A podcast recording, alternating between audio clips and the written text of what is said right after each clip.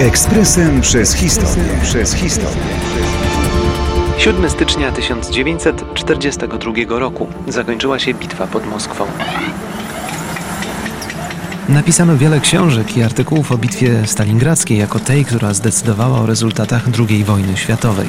Nieco rzadziej wymienia się w tej roli bitwę o Moskwę, a przecież była równie istotnym elementem starcia dwóch totalitaryzmów. Niektórzy sądzą, że atak Hitlera na Rosję był dowodem jego niepoczytalności.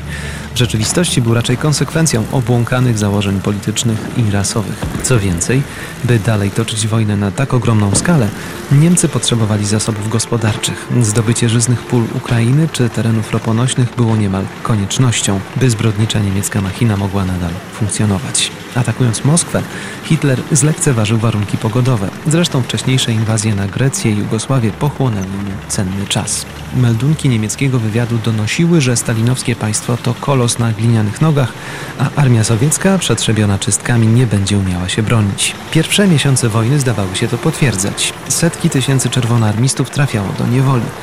Obrona stolicy stała się priorytetem Stalina. Jej upadek mógł oznaczać jego upadek.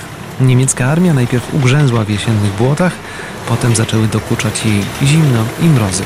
Niemcy widzieli już złote kopuły Kremla, dotarli na przedmieścia Moskwy, ale miasta nie zdobyli. Zbrodniarze zostali powstrzymani przez ludzi, którym rozkazy wydawał inny zbrodniarz. Ekspresem przez historię. Przez historię.